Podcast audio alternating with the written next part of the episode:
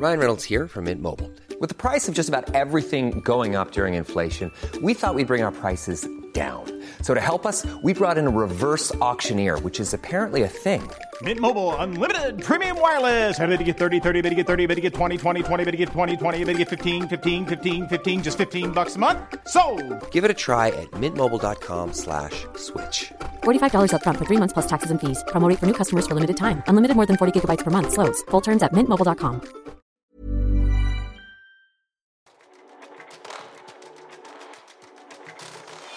Hei og velkommen til Teknologitrender, serien som tar et entusiastisk, men også et kritisk blikk på hvordan teknologi og digitalisering endrer og påvirker våre liv og næringsliv. Episoden presenteres av Episenter, Oslos hub for digital innovasjon og et økosystem for innovative selskaper i vekst. Gå inn på episenteroslo.com og bli medlem du også. Hver høst legger regjeringen frem sitt forslag til nytt statsbudsjett, og budsjettet skal veilede AS Norge, hvis du vil, gjennom det kommende året, og er i så måte mye mer enn bare tall og prognoser. Det er en manifestasjon av landets prioriteringer, en indikator på hva vi som samfunn verdsetter, og hvor vi ønsker å investere vår kollektive energi fremover. For 2024 har statsbudsjettet blitt møtt med en blanding av applaus og kritikk. Eh, Det gjør det for så vidt hvert eneste år, så det i seg selv er ikke overraskende. Det som naturlig nok fanget min oppmerksomhet mest av alt, var den påfallende mangelen på engasjement for teknologi og digitalisering. For i en verden som blir stadig mer digital, hvor teknologi ikke bare er en del av hverdagen, men også en kritisk driver for økonomisk vekst og sosial utvikling, så kan Norges tafatte tilnærming til digitalisering ha langtrekkende konsekvenser for oss. Det kan påvirke alt fra vår globale konkurranseevne til vår evne til å tiltrekke oss talent og investeringer, og til og med vår samlede livskvalitet.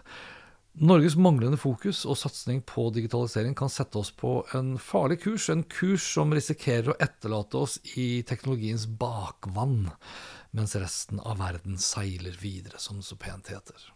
Og da i en tid hvor digital transformasjon er mye mer enn bare et moteord, men en reell nødvendighet for å overleve i det som i dag er et verdensmesterskap, så har statsbudsjettet for 2024, iallfall forslaget til statsbudsjettet for 2024, vist en foruroligende mangel på innsikt. Det kan nesten virke som om regjeringen har valgt å lukke øynene for den digitale virkeligheten vi lever i. Ikke bare ble ordet digitalisering utelatt fra finanstalen, men det var også en påfallende mangel på konkrete tiltak eller investeringer i denne kritiske sektoren. Og det har ikke gått upåaktet hen. En rekke interesseorganisasjoner og teknologijournalister har uttrykt sin bekymring for at Norge, ved å ignorere den digitale sfæren i sitt statsbudsjett, risikerer å falle håpløst bak i den globale konkurransen.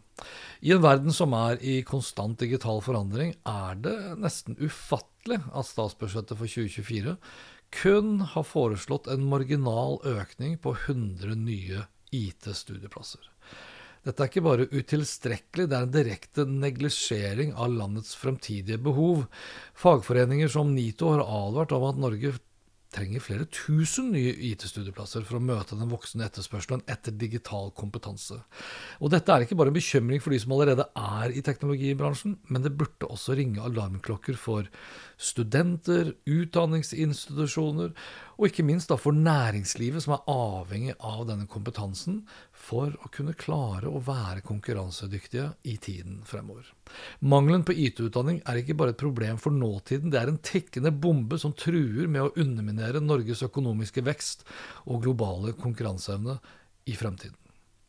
En nylig publisert undersøkelse utført av SD Works har kastet en ubehagelig skygge over Norges teknologiske landskap, og bekrefter det mange av oss egentlig har visst lenge allerede, at Norge er en digital sinke sammenlignet med våre europeiske naboer. Mens uh, Sverige, Finland og Danmark har omfavnet den digitale tidsalderen med åpne armer ved å integrere teknologier som robotisering, 3D-printing, skytjenester og kunstig intelligens i både tjenesteytelse og produktutvikling, ja, så har Norge blitt hengende etter. Undersøkelsen, som inkluderte over 16 000 ansatte i ulike europeiske land, viste at Norge er det landet i Europa som satser minst på digitalisering. Og det her er ikke bare et spørsmål om teknologisk modenhet, det er et spørsmål om nasjonal konkurranseevne. Når vi ligger så langt bak, ja, så går vi glipp av muligheten til å tiltrekke oss nettopp de beste talentene. Vi uh, går glipp av muligheten til å innovere og til og med beholde vår eksisterende arbeidsstyrke. Manglende digitalisering er også en indikasjon på en dypere, mer systemisk utfordring som handler om vår manglende forståelse eller vilje til å forstå hvordan teknologi kan og vil forme fremtiden. Administrerende direktør i Abelia, Øystein E. Søreide, uttrykte det treffende da han sa at Norge må ut av hengemyra Teknologi er ikke bare for IT-avdelingen, det er en integrert del av hvordan vi lever, arbeider og til slutt hvordan vi konkurrerer på den globale scenen. Og den undersøkelsen her bør være en vekker for både offentlige og private sektorer i Norge. Det er en klar indikasjon på at vi må revurdere vår tilnærming til digitalisering, fra utdanningssystemet til næringslivet, og da til og med i vår egen regjering. Hvis vi ikke gjør det, ja, så risikerer vi å bli forbigått ikke bare av våre nordiske naboer, men av verden som helhet. Og da hjelper det fint lite at regjeringen så til de grader demonstrerer at ikke de forstår det her gjennom statsbudsjettet for 2024. For vi står ved et kritisk veiskille. Norges fremtid som en konkurransedyktig aktør i den digitale tidsalderen den henger i en tynn tråd, og her er det på tide at vi tar grep. Det er ikke lenger tilstrekkelig å hvile på laurbærene av oljeinntekter eller tidligere suksesser. Vi må anerkjenne at den digitale revolusjonen har kommet for å bli. Uansett hvor klisjéaktig det måtte høres ut, og at vi da må øh, være en langt mer aktiv aktør i så måte. For det første så må regjeringen revurdere sin tilnærming til IT-utdanning og teknologisk utvikling. Det er ikke nok å tilby et par hundre nye studieplasser. Vi trenger en massiv investering i utdanning og opplæring for å sikre at vi har den arbeidsstyrken som kreves for å møte morgendagens utfordringer. Og Dette inkluderer ikke bare universitetsgrader, men også yrkesopplæring og etterutdanning for de som allerede er i arbeidslivet. Videre så må det offentlige og private sektorer samarbeide tettere for å akselerere den digitale transformasjonen.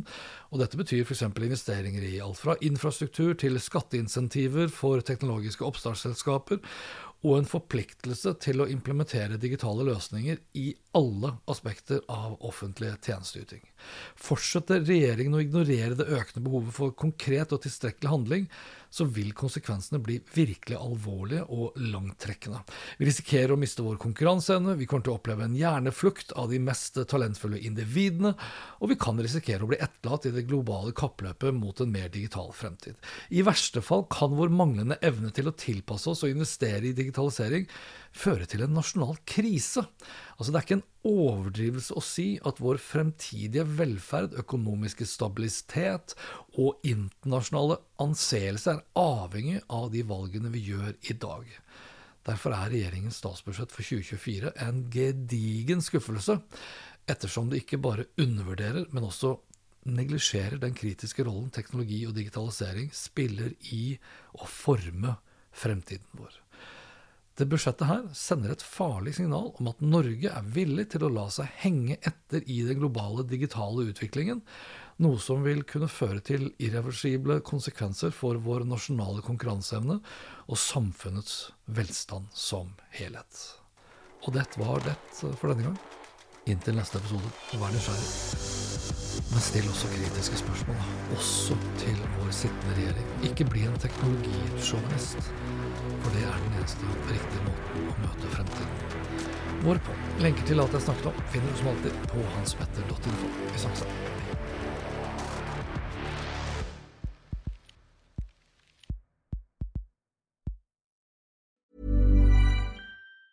Normally, being a little extra can be a bit much, but when it comes to healthcare, it pays to be extra and United Healthcare makes it easy with Health Protector Guard fixed indemnity insurance plans. Underwritten by Golden Rule Insurance Company, they supplement your primary plan, helping you manage out of pocket costs without the usual requirements and restrictions like deductibles and enrollment periods. So when it comes to covering your medical bills, you can feel good about being a little extra. Visit uh1.com to find the Health Protector Guard plan for you. Even when we're on a budget, we still deserve nice things. Quince is a place to scoop up stunning high end goods for 50 to 80% less than similar brands. They have buttery soft cashmere sweaters starting at $50, luxurious Italian leather bags, and so much more. Plus, Quince only works with factories that use safe, ethical, and responsible manufacturing. Get the high-end goods you'll love without the high price tag with Quince. Go to quince.com/style for free shipping and 365-day returns.